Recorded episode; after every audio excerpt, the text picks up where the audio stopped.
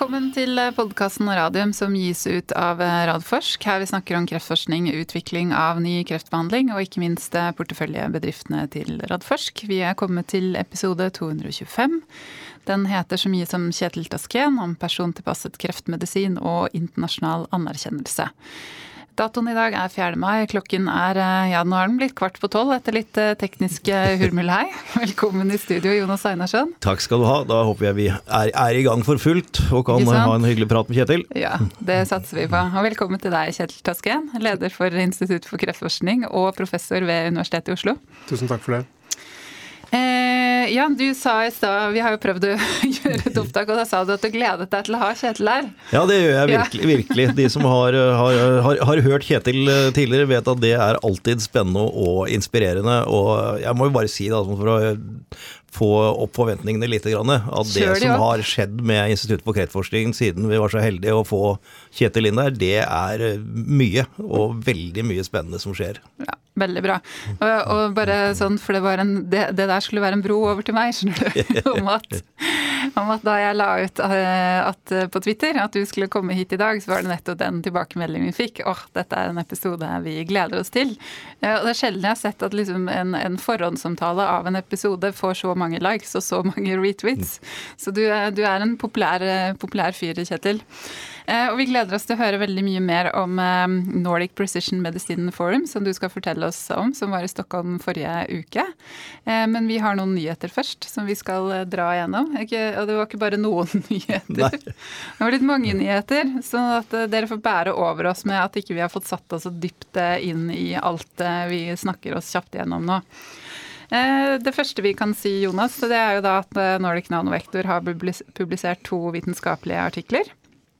Eh, som ifølge forskningsdirektør Jostein Dale plusser på vitenskapelige rasjonale om at CD37 er et viktig mål i behandling av eh, lymfekreft. Og ikke bare innafor behandling, men også mm. diagnostikk.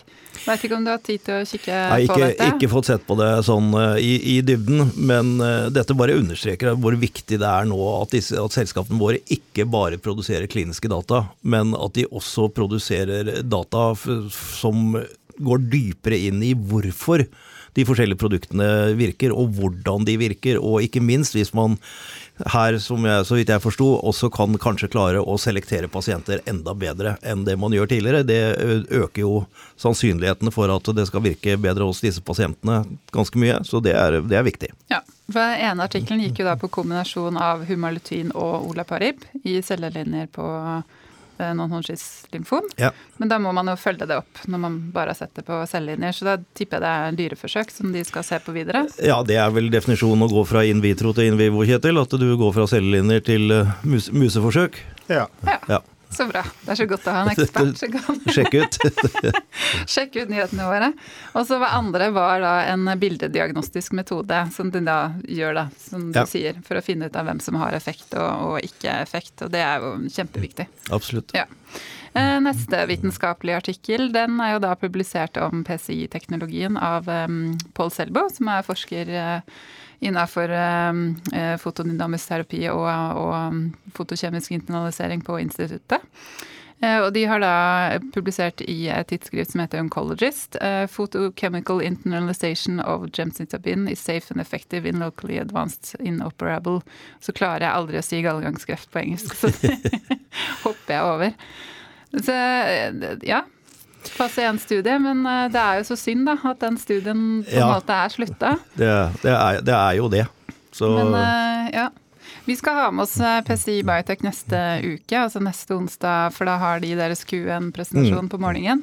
Så vi kan jo høre litt, da. fordi altså selv om de avslutter, så skal de jo se på hva de kan ta med seg videre. Så jeg tenker jo sånn som en vitenskapelig artikkel som dette her betyr jo likevel mye.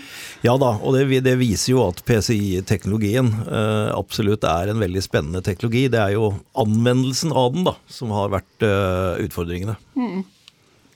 Absolutt. Eh, og apropos kvartalspresentasjoner. Eh, jeg tror du, du må si ifra til selskapene at ikke de må legge de så tett.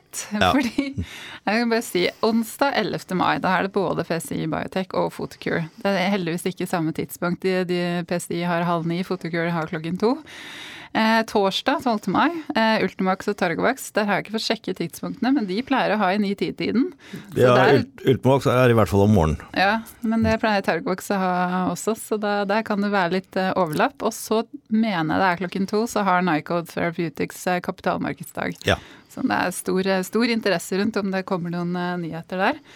Um, og så fredag 13. mai så er det Nordic Nanovektor. Ja. ja. Så, det er sånn det er med den finansielle kalenderen på noterte selskaper. De pleier å spre det litt mer ut, ja, det. Vanligvis så pleier det jeg, jeg skal sørge for det. Nei da.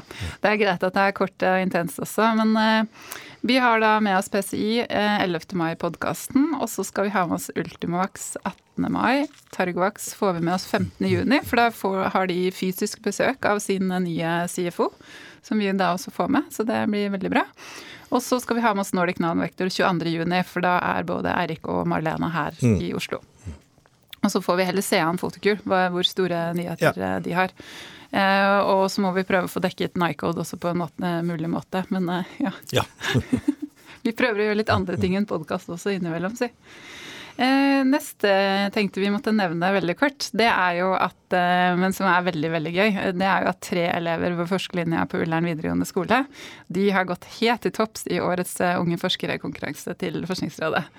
Da blir du glad. Det er, det er gøy. Husk på at det er altså ikke mer enn er det tredje året nå? Disse går tredje året. Ja, det er tredje året. Det er de som startet på forskerlinja. Mm. Første gangen vi begynte med forskerlinja her på Ullern videregående. Som, og de har gått på førstelinja gjennom en pandemi, så de ja. har ikke fått gjort det de egentlig skulle gjøre. Nei, det har vært en, veldig synd for de, fordi eh, jeg følger jo de veldig nøye. Og de har jo ikke fått være til stede og være inne på instituttet hos Kjetil og andre ting som de har gjort tidligere, men nå er det i gang igjen. Ja. Heldigvis. Ja, de har fått gjort det nå, da. Ja. Eh, og, og, vi har lagt ut, eh, jeg har lagt ut denne artikkelen eh, som, som, omhandler akkurat de gutta, den forskningen de har gjort. For, skrevet av meg sjæl, faktisk. Snikskryt. For jeg driver og skriver om skolefaglige samarbeidet. Mm. Så jeg møtte jo disse her i januar, når de var på Universitetet i Oslo, på Biologisk institutt. Hvor de da har kommet opp med problemstillingen sin selv, som er å se på antibiotika og blodforgiftning. Fordi blodforgiftning må behandles med antibiotika, mm. men noen typer antibiotika kan forverre blodforgiftningen. Nettopp. Så da har de liksom vært inne og kikka på hvordan kan man finne ut av dette.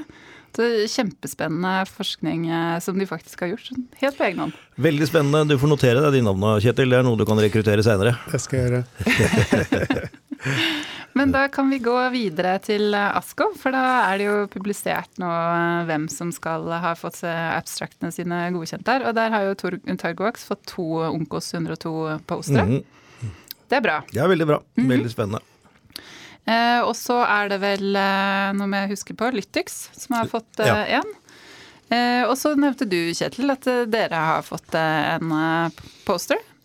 Vi har et abstract om utvikling av norsk initiativ for presisjonsmedisin. Mm, som vi skal snakke mye mer om, så da kan du fortelle litt mer da etter hvert. Men gratulerer. Takk for Det Det er jo litt av et nåløye å, å, bli antatt på ASKO. Det er det. Ja. Nikket. Nikking gjør seg så dårlig på podkast, så da kan vi oversette det. Eh, og så tenkte jeg vi må bruke litt tid på, på, debatten på torsdag forrige uke. Altså med debatten på NRK med, med Fredrik Solvang. Ja. For da tok de opp eh, tilgang til eh, behandling i Norge. Eh, du satt og så på fordi du sendte meg en tekstmelding. Ser du på? ja, jeg måtte Hvorpå jeg kunne svare ja. Det var jo ja, jeg fikk vel ikke all verden ut av det, for å være helt uh, ærlig. Uh, og det er klart at det, når, når, det blir så stort fokus på pasienthistorier, hvilket jeg syns er helt riktig, for det viser jo faktisk hvordan det er i dag, fremfor at det blir en sånn mer tørr, tørr debatt, så, så, kjenner du at dette her er Hvor alvorlig det er.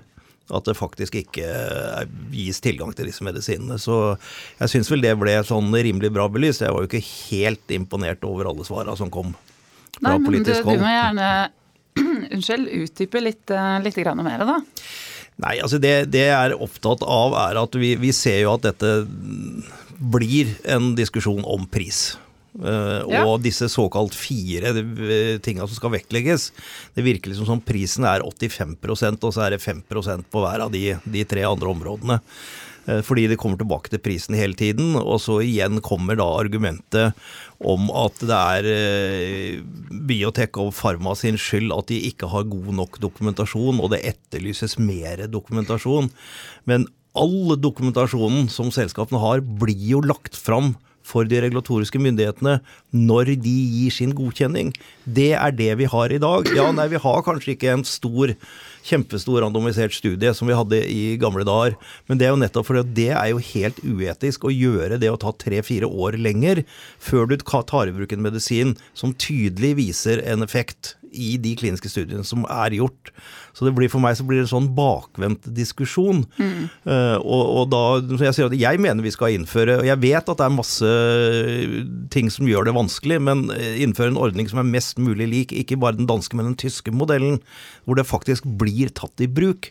Pasientene får medisin, og så er det litt sånn Finn ut av det, hvordan dere finner en løsning på det.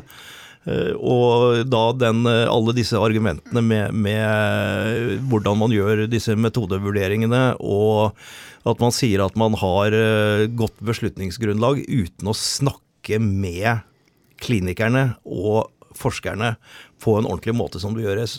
Det, hvis du bare i hvert fall sier at fra og med i morgen så innfører vi den danske modellen, da hadde veldig mye vært løst de kan ikke begynne å utrede dette om igjen nå. Og bare venter noe i 23 eller 24. Jeg syns det er helt uholdbart, altså. Men de kan jo det, hvis de vil, eh, vet du. Selvfølgelig kan de det. Ja, så det. Fikk du sett den eh, debatten, Kjetil? Nei, jeg, jeg, har tenkt å se den på iPaden min, men ja. jeg har ikke kommet så langt ennå. Nei, da har du jo fått en sånn eh, Jeg har lest, fått... lest, oppdateringene ja. av, av den typen Jonas sier nå. Mm. Nei, for jeg, det jeg også syns eh, For det første var veldig bra med disse, med disse pasienthistoriene. Mm. For de viser jo nettopp hva, hva dette systemet handler om. Eh, og så syns jeg Ingvild Kjerkol, altså vår helseminister, syns jeg var Altså, hun var litt sånn aggressiv mot de andre politikerne som var der. Det var jo da mm. Sylvi Listhaug fra Frp som har levert et representantforslag fordi de ønsker nå å innføre den danske modellen mm. eh, på nye metoder, på innføring av, av, til, av behandling. Og, og, Tone Tellevik Trøen fra, fra, Høyre. Jeg syns hun prøvde å slå så mye politisk mynt på at de hadde sittet i regjering og ikke gjort noe med systemet. Ja. Eh, men det er for så vidt ikke interessant. Det hjelper ingen av de pasientene som nå fremdeles venter på behandling, og nå kanskje venter enda mer, fordi det kommer enda flere nye behandlinger. Og Legemiddelverket, altså SLV, har altfor mye å gjøre. Ja. Og de driver med effektivisering. Tidligere har de sagt at ikke de klarer å ta unna så mye. Nå sier de faktisk at de klarer å ta unna mm. likevel. Uh, ja.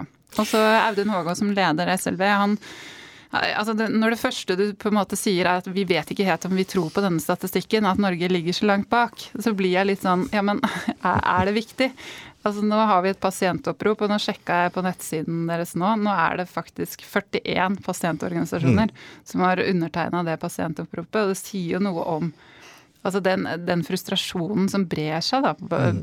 blant de som faktisk blir syke i Norge. Ja, jeg syns det er på tide at det blir et ikke bare pasientopprop, men et pasientopprør fra både pasienter og pårørende som, som føler dette på, på kroppen.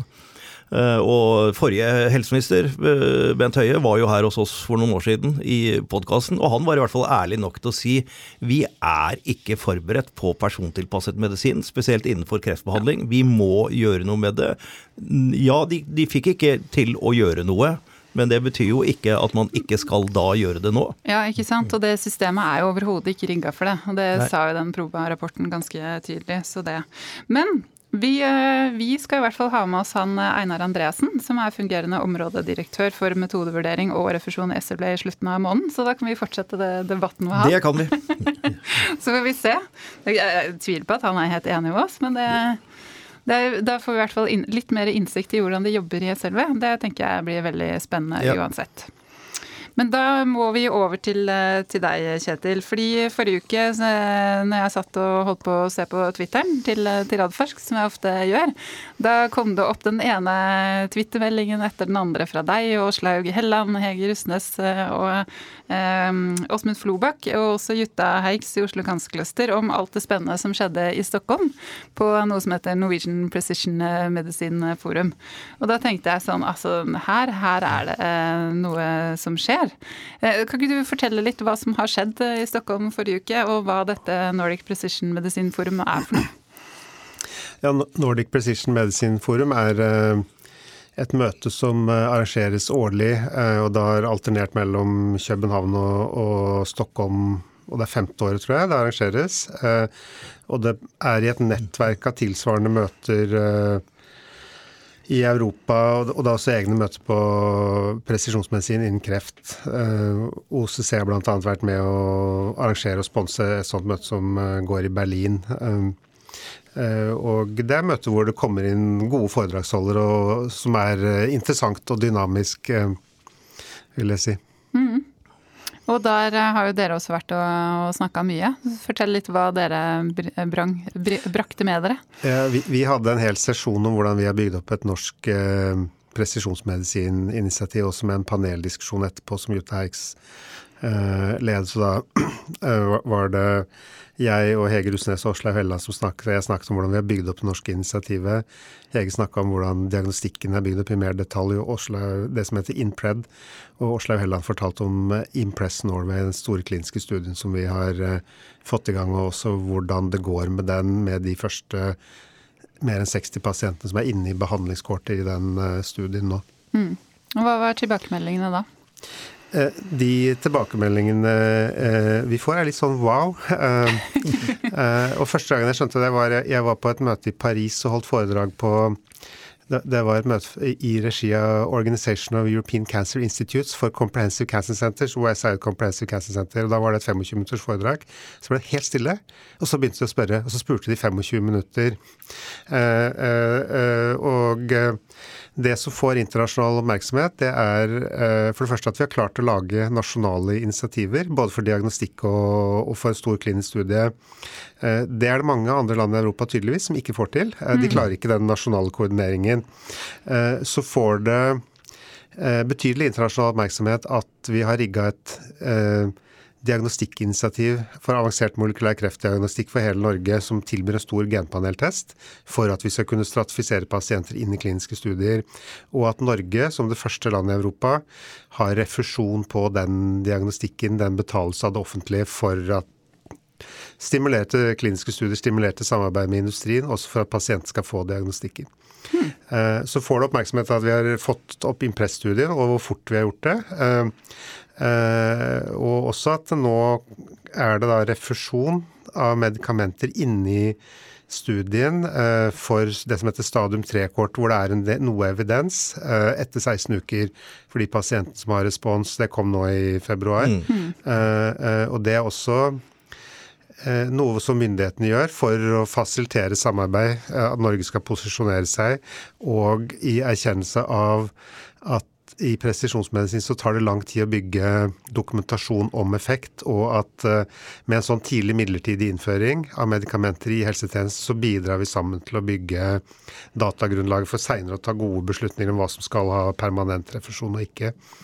Eh, og så får det da også betydelig oppmerksomhet at vi har valgt å lage et eh, offentlig-privat samarbeid kobla til dette Connect-samarbeidet og hvordan vi gjorde det. At det nå er 28 mm. partnere, at det er fire store diskusjonsgrupper, og at det går veldig Det er dynamisk og har stor interesse, og at det skjer ting der. Mm. Men dette her er jo helt fantastiske ting som dere har fått til, da. Eh, og så tenkte jeg først må vi kanskje skryte litt av norske myndigheter, for her er de jo framoverlente i forhold til det at de faktisk gir refusjon Eh, på altså off-label-behandlingen som dere kan tilby i Impress-studien? Absolutt. Og, det, det, vi, det, vi, ser da, det, det er at det, som har vært suksess, det er det du kan kalle top down meets bot, eh, bottom, bottom up. For vi, eh, Ministeren ville jo i Norge, og, og de instruerte RHF-en om at man skulle implementere presisjonsmedisin. RHF-en instruerte sykehusene, og det skjedde ikke. Nei. For den transisjonen man klarte ikke å operasjonalisere. Så det vi gjorde, var at vi lagde bottom up-initiativer. Vi inviterte store nasjonale møter både for diagnostikk og behandling. Eh, og vi sa kan vi bli enige om noen få prioriteter. At ikke alle har hver sine prioriteter, alle skal oppnå noe. Vi må glemme det med å profilere enkeltpersoner og institusjoner. Mm. Vi må si at vi skal ha noen få ting på plass. Eh, og, det klarte vi. Vi mm. klarte å få til den nasjonale samhandlingen i bånn. Eh, og så klarte vi da med, med veldig god dialog med RHF-nivå og HOD og få det de ville til å si, bli tilpassa det vi eh, vil. Og det har utløst over 200 millioner i finansiering, mm. pluss refusjoner og sånn. Eh, og pluss mye industrideltakelse òg. Mm. Mm. Ja, det er jo et fantastisk eh, prosjekt, altså. Virkelig. Men, Men det, det var si at det, fordi, jo, Jeg syns dette er så veldig spennende, for jeg har jo fulgt dette nå i over, over 20 år. Og så har jeg sett hvordan det virkelig har løsna nå i løpet av de siste årene. Og det er jo fordi at man ikke har hatt et politisk vedtak som skal utrede noe. Og som man så blir, setter bort til en utredning, og så kommer det tilbake. Og så sier man at utredningen er for så vidt fin, men det mangler da de tiltakene og hva som konkret skal gjøres. Her er det jo ildsjeler og folk som har satt seg ned, nettopp som Kjetil sier, og si ok, hva er det vi kan bli enige om? Hva er prinsippene i det vi skal gjøre? Og det er jo sånn man også gjør, bør gjøre hvis man skal forhandle frem forskjellige typer avtaler, som vi også gjør eh, mye, mye av mellom, mellom, Big Pharma, biotek osv. At man blir enige om prinsippene først. Mm. Og så går man ned i nitty-gritty etterpå. Og det har vært gjort her, og nettopp det at det kom fra et så sterkt fagmiljø, som også viste at både det private og det offentlige ønsket dette her. Jeg tror kanskje det er det som er nøkkelen, koden til at det faktisk løsna denne gangen. Hva tenker du? Ja, det, det, kan godt hende. Jeg, jeg, jeg, tror, vi, vi, for meg så starta det med at vi gjorde en liten utredning internt i OS. Jeg meldte meg frivillig til å lede en arbeidsgruppe i Kreftklinikken. og Da skrev jeg en veldig kort rapport. Uh, vi skrev en veldig kort rapport eh, på bare tre sider som sa at veldig mye av forskningen er gjort, alle utredningene er gjort. og Det som må skje nå er én, vi må få opp diagnostikken. To, vi må begynne å skaffe oss kliniske studier for å bygge kompetanse. Og tre, vi må jobbe parallelt med å få dette mm. implementert også i den ordinære helsetjenesten. Og så begynte vi bare å gjøre det. Eh, det var oppe i kreftstyret i OS, som vi spurte ingen om tillatelse. Vi bare begynte å se om vi kunne få det til å skje. Mm. Vi lagde de nasjonale møtene, og, eh, og så rulla det bare på. Så har vi liksom måtte hanke inn resten underveis. Men ja. Mm. Men ja, for det er kanskje det, det du sier med at man, si. ja, at man hadde disse planene, ikke sant, som, ja. mens man ikke hadde klart på en måte å få satt ut av livet. Men jeg også tenker det med at dere på en måte har klart å legge personer og institusjoner Det er ofte det som gjør at man ikke klarer å få til et nasjonalt samarbeid, for man blir ikke enige, ikke sant. For det er liksom noen som på en måte Ja. Vi, vi har hatt en slags sånn eh, ledelsesfilosofi med det, eh, som også har vært at eh, det skal ikke eh, være forfattere på sentrale dokumenter. Eh, eh, prestasjoner skal ikke ha logoer til enkeltinstitusjoner. og vi skal hele tiden snakke om at vi skal bygge noe sammen. Og at det som er stillingsbeskrivelse til de som vil være med å jobbe i dette, og alle som vil kan få være med, det, det er at man er villig til å bidra til noe felles som skal løfte de overordnede målene uten å tenke på egen uttelling eller institusjonens mm. uttelling. Og så arresterer jeg i hvert fall de som prøver å dytte inn logoer og andre sånne, eller gjøre litt sånne ting, da. Mm. Eh, så er jo ikke det der eh, Det er jo ikke enkelt, og du må passe på, passe på hele tiden og kommunisere det samme hele tiden og hele tiden signalisere OS er størst. At vi vil dele, vi vil samarbeide, vi vil løfte også alle andre. Eh, så det, men etter hvert som du gjør det og gjør det og gjør det og gjentar det, gjentar det, så tror jeg kanskje man bygger den tilliten mer òg, da. Mm. mm. Ja, og ikke minst bygger den kulturen. For ja. dette er jo egentlig snakk om en, en, en, helt annen kultur da, enn det mm. man har hatt uh, tidligere. Er veldig gøy. Men du, jeg vet at når dere var, på, var, i Stockholm også, så var du og Sigbjørn Smedland som leder kreftklinikken på OS. Dere var også på, på Karolinska instituttet. Og nå ser jeg, for det er jo apropos Stockholm og Karolinska instituttet, nå er det jo en sånn næringslivsdelegasjon fra Norge over til Sverige. Eh, og de har jo akkurat nå signert en MOU, en sånn Memory of Understanding, mellom Karolinska instituttet og Universitetet i Oslo. Men hva gjorde dere der?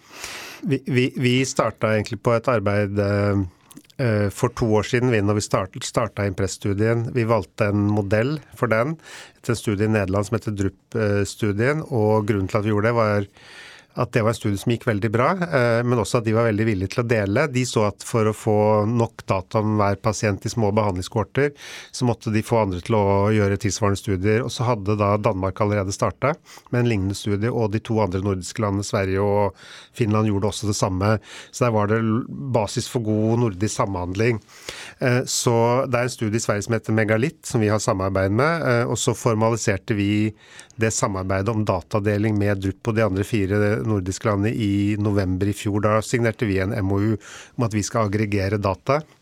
Eh, og så skal det bli til en avtale. Eh, og sånn, men det er også noe av bakgrunnen for at vi får sånne ting som refusjon inn i studien. Mm. Vi får inn AstraZeneca på å gjøre en stor kohort sammen med Drupp og de andre nordiske landene på Pan-Cancerpol Olaparib f.eks. Mm. Uh, uh, og så har den dialogen fortsatt med det som heter uh, null-visjonen, eller zero vision i Sverige, det som heter testbed precision medicine for kreftområdet som Vinova finansierer med mange aktører, og med Genome Medicine Sweden. Og så valgte de å komme hit for å se på hva vi gjør for noen uker siden. Så da hadde de en hel dag der, og den dagen vi hadde, Sigbjørn og jeg hadde der, det var en dag som de arrangerte for oss for å vise hva de hadde for å fortsette den dialogen om det gode samarbeidet. Mm. Så det var en veldig spennende dag hvor vi fikk høre veldig mye om hva alle de fine dataene og alle de gode infrastrukturene de har i SciLife mm. Lab, hvordan de organiserer seg i KI Comprehensive og KS Comprehensive Cassie Center, som er et parallelt senter 2S, som ble akkreditert litt senere. Uh, uh, og uh, hvor vi også snakka om hva vi gjør for veldig mange flere enn de som var her. Det var, så det var også en veldig morsom dag hvor vi fikk Eh, tilbakemelding, god tilbakemelding på det vi har gjort. og Hvor de også egentlig spurte oss om råd med tanke på hva, hvordan skal de få til å implementere. For de har ikke helt uh, dratt det dit at de agerer på alle de fine dataene sine, egentlig. På samme mm. måte som vi har gjort. Ja, De har kanskje en annen utfordring i Sverige også, i og med at de har jo regioner som er mer, bestemmer mer lokalt, altså, eller regionalt heter det ikke lokalt, innafor ja, behandling og hva de godkjenner og sånt nå? Uh, Eh, noen av problemene i Sverige er å få til nasjonal samhandling. Eh, og så er det da at Sverige har til forskjell fra Norge som har fire helseregioner, så har Sverige 21 helseregioner. Mm, ja. Så er det sto seks store regioner som har kreftsentre, så man kan kanskje si at de i realiteten kan ha seks. Eh, men de regionene samhandler ikke på samme måte som RHF-ene gjør i Norge. De har forskjellige finansieringsmekanismer og litt forskjellige strukturer. Det er større grad av selvstyre der i Sverige. Og det finnes ikke noe nasjonalt klinisk utprøvningsprogram av typen Klinbeforsk f.eks., som Impress har mm. finansiering fra. Så de, har, de sliter med noen ting i Sverige der som gjør at de for nasjonale initiativer eh, ikke får til alt så lett som her, kanskje, da. Mm. Um, Gene og Medicine Sweden er gjennomgående, men de forholder seg da til forskjellige strukturer i mm. ulike regioner. Mm. Ja, veldig, veldig spennende. Altså, og jeg så jo også på, på Twitter at Roche eh, i Sverige la ut eh, Jeg må bare lese den meldingen. Nå har vi hatt eh, Jeg skal ikke lese på svensk, merker jeg. Vi har hatt sånn tur at vi får lyste til Kjetil Asken to dager i rad. I går på SciLife Lab, i dag på Nordic Precision Medicine Forum. Budskapet er verdt å gjenta. Norges veivalg for å implementere presisjonsmedisin er så inspirerende at man vil høre det flere ganger. Det er fantastisk å få sånn tilbakemelding. Det er hyggelig tilbakemelding å få, ja. ja. Og det er jo ikke av hvem som helst heller. Altså, Roche er jo kjempestore innafor diagnostikk. Ja og behandling, et av de ledende legemidlene der. Roche har også vært en veldig god samarbeidspartner for Impress. De var det første firmaet som kom inn i Impress med åtte mm. legemidler og med et stort samarbeidsprosjekt på diagnostikk, det som heter liquid biopsy, som går i ja. parallell med diagnostikken mm. i Impred for pasienter i Impress. Mm. Uh, så det har vært veldig flott. Ja. Altså det, det, dette her med å få til dette både nordiske og også utover Norden, eh, samarbeidet, viser jo hvilket på en måte potensial vi har. Dette har vi også snakka om i så mange år. At vi må liksom se på Norden som et sammenhengende, og at vi hører kliniske studier. Få de godkjent i ett land, så skal det godkjennes i de andre samtidig. Eh, bruke seg av at vi da blir 20 millioner istedenfor 5 millioner som vi, vi, er her. Og det, dette er liksom et lite gjennombrudd til det. Mm. I tillegg til det så gjør jo dette at de virkelig har fått til samarbeidet med Roche, AstraZeneca og alle de andre som etter hvert kommer til nå, gjør jo at Big Pharmas vil, kan forhåpentligvis vil se på Norden og utprøvningsdelen av det på en helt annen måte. Mm. Og, det det, og det vil igjen føre til at vi får flere kliniske studier, tror jeg. Og at kanskje kliniske studier i senere faser blir en del av Impress. Det håper i hvert fall jeg, hvis det er, er mulig å få til. Og det, nå virkelig begynner snøballen å rulle. altså. Men hvis man skal argumentere for kliniske studier, må du si at Norden har 27 millioner innbyggere, Jonas. 27. 27. Takk, takk. Du må huske å bare snakke, snakke inn i mikrofonen, Kjetil. En annen veldig interessant uh, dialog som jeg har hatt, er en med en som heter Pierce Mahon i IQV. Uh, og IQV er et stort CRO-selskap internasjonalt. Jeg holdt foredrag i en sesjon som han arrangerte på det som heter Drug Information Association Meeting i Brussel for noen uker siden. og de har sett på dataen fra DRUP-studien, sånne typer presisjonsmedisinstudier, hvor man ser på hva er on label, og hvor mange pasienter finner man i et nasjonalt tumorboard på store grupper av medikamenter on-label, og hvor mye finner man som er off-label. Og så har de data på off-label og on-label markedsstørrelser som de har regna på, og viser da at mulig market expansion til mindre indikasjoner for legemidler, det er en tredobling av markedene.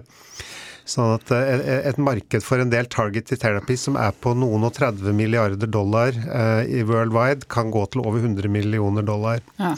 Det slidet har jeg ja. som han hadde. Og det slidet fikk jeg lov av han å legge ut på LinkedIn fra hans foredrag sammen med bilde av han. Det er ikke en publikasjon hvor han prepubliserer dataen sin, men det er en rapport fra hans foredrag. Ja. Så de som er interessert i det slidet, de kan gå og finne det på LinkedIn, for der ligger det i høy oppløselighet. Ja. Men jeg tenker Dette må jo være en vanvittig motivasjon til legemiddelindustrien om å delta og gi med For det, her, de gir jo altså, gratis sin medisin inn i disse studiene, men den, dette må jo være et vanvittig insentiv for dem. Det, det, burde være et eh, godt eh, argument for hvorfor man skal investere i sånne typer samarbeid, hvor man eksplorerer eh, presisjonsmedisin og mindre indikasjoner, mm sånn at dette blir tilgjengelig også for kreftpasienter som ikke er de største gruppene som det er mm. opplagt at man skal dokumentere selv. Mm. Og så merker jeg at Vi snakker kanskje litt langt ned i materien for noen av lytterne våre. men Kan ikke du bare forklare forskjellen mellom on-label og off-label? Kanskje vi har det kort med oss, så ikke vi mister, mister noen. On-label er at det er en godkjent indikasjon, en kreftdiagnose som legemiddelet er godkjent for, og normalt også at det har refusjon. Mm. Uh, mens uh, off-label er at man bruker medikamentet på noe som det ikke er eh, dokumentert og beskrevet for. Da. Ja. Det, det skjer jo. Mm. Det gjør jo det. Men, men, det er jo akkurat sånn som denne Impress-studien er lagt opp. ikke mm. sant? At dere rett og slett har eh, avanserte genpaneltesting av, av enkelte kreftsvulsten mm. til hver pasient. Og så kan dere da se om noen av disse medikamentene som dere har fått inn i studien, kan passe. Ja, og vi mm. bruker da ikke on label, fordi der er det i salg. Ja. Uh, så det er jo den markedet som firmaet allerede har. Uh, og vi, vi, sier heller ikke at vi bruker det off label, for det man vanligvis mener med off label er at man bruker det uten at det er en protokoll. Så vi bruker det på protokoll, kan mm. du si, hvor vi samler data. Uh, og egentlig burde man jo ha protokoller også for å samle data fra off-label, det jobber Norge med nå. Mm. Sånn at ikke de dataene går til spille, så ja. man kan samle inn da. For det er også verdifulle effektdata, kan du mm. si. Det er kjempeviktig. Hvilke, legemiddel, eh, hvilke legemiddelfirmaer er det som deltar inn nå i, i Impress? Det er Roche. Så var det neste firma som kom inn, var Novartis. Mm. Novartis øh, kom først inn med to legemidler, og nå er det fire legemidler. Vi håper at vi skal få flere, både Novartis og Roche. Det tredje firmaet som kom inn, var Eli Lilly. Eh, det fjerde var Insight. Og det femte er AstraZeneca. Ja. Så har vi dialog med flere firmaer som vi håper at skal inn. Akkurat nå har vi 16 legemidler inne i Impress-studien, eh, som vi kan fordele pasienter til. ved anledning til å åpne kohorter på ulike diagnoser, fordi kohorten i Impress er definert både av diagnose, mutasjon Eh, og legemiddel. Eh, og så håper vi at eh, i løpet av året at vi skal opp på i hvert fall 23 legemidler. Vi har også penger til å gjøre noen kohorter med generika eh, fra Klimbeforsk, hvor det er offentlig interesse. Så det er også flere sånne kohorter som starter nå. Ja. Og Et viktig poeng, et viktig poeng her er jo at dette er på små pasientgrupper, eh, som gjør at det er vanskelig også for, for farmaindustrien å sette i gang svære kliniske studier på dette eh, på hver enkelt, kall det indikasjon. Eh, men, men dette bør også kunne være veien mot at det er på en måte sykdomsbilde, mutasjon, eh, hele bildet som dere danner, som blir indikasjonen i fremtiden, og går bort fra organdefineringen. Ja. Kan, det kan du tenke deg.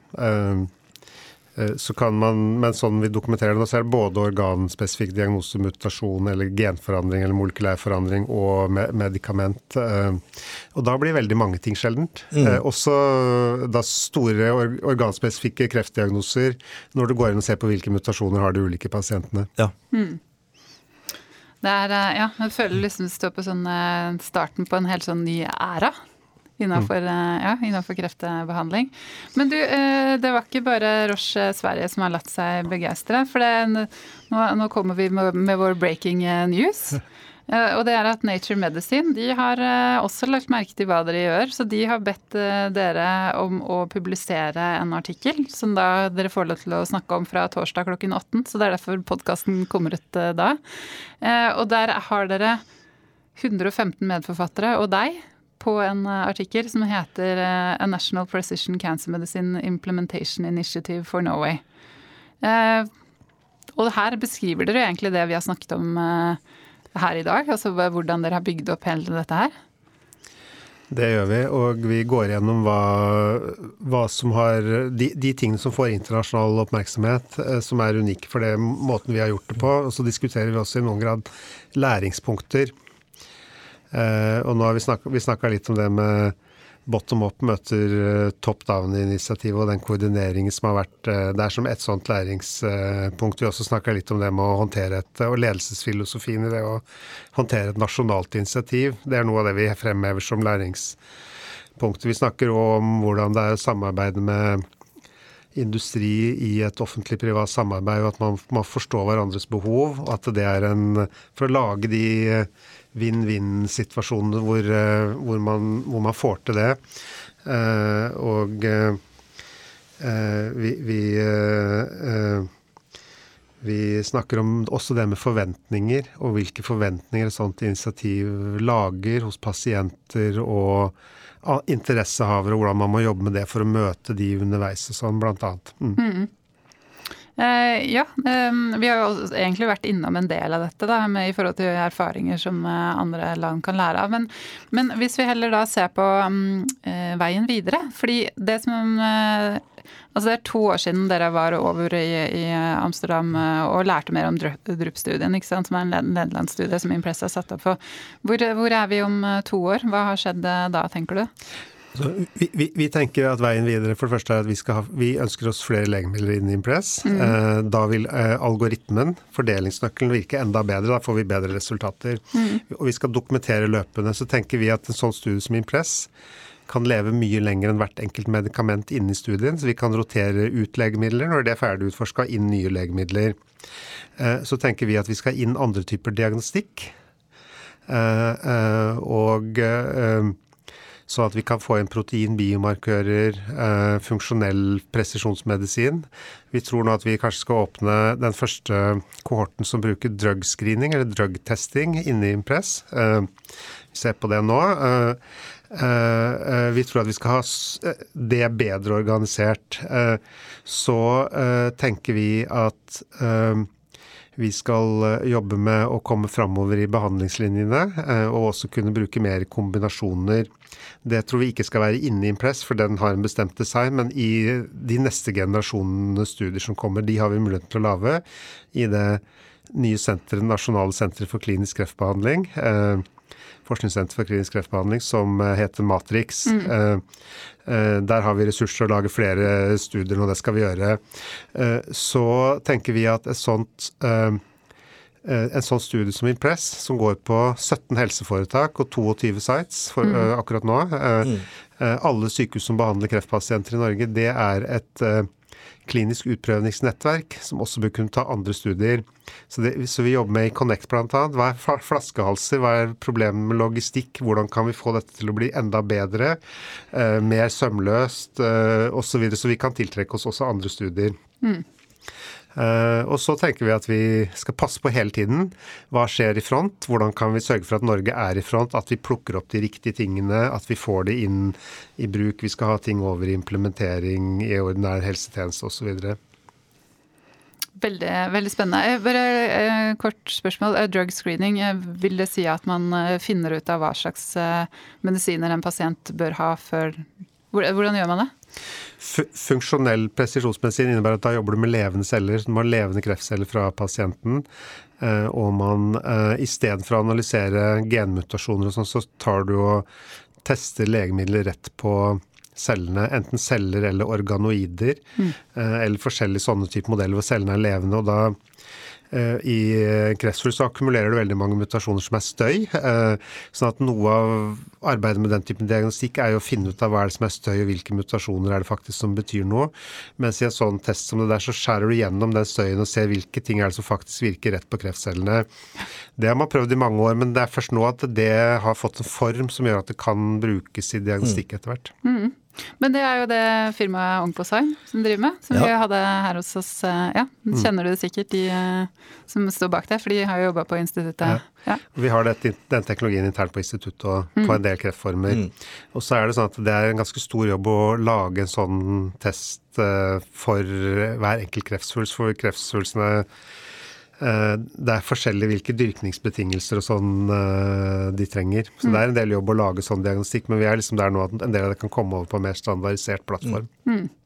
Og så sa du en ting til, som, eh, hvis du kan si litt om det. For det, du sier at da, man vil gjerne flytte det tidligere.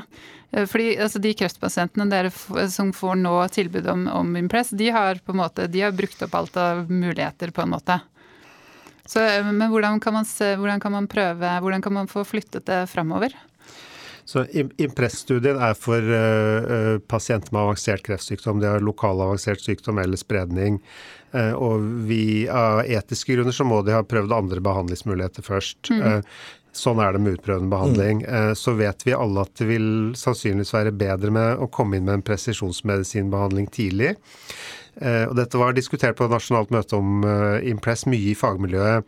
Og den formuleringen, det var en sånn forsøk på en litt salomonisk greie fra min side, det, det, det er at i protokollen så står det så sent som nødvendig og så tidlig som mulig i behandlingslinjen kan man gå inn, står det. Mm.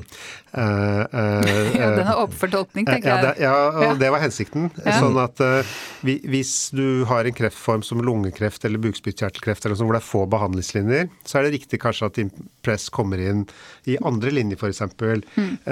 hvis du snakker om behandling av brystkreft hvor det kan være 10-13 behandlingslinjer, Eh, så tror vi hele fagmiljøet er enige om at man skal ikke vente til man har brukt opp absolutt alle muligheter. Eh, eh, så da kan man kanskje tillate seg å gå en del mm. tidligere enn å se på hver delta for den neste linjen mm. med hensyn på dokumentert livsforlengende effekt. Det er et annet poeng der, Kjetil, og det er jo at i nettopp i de diagnosene du nevnte, mm.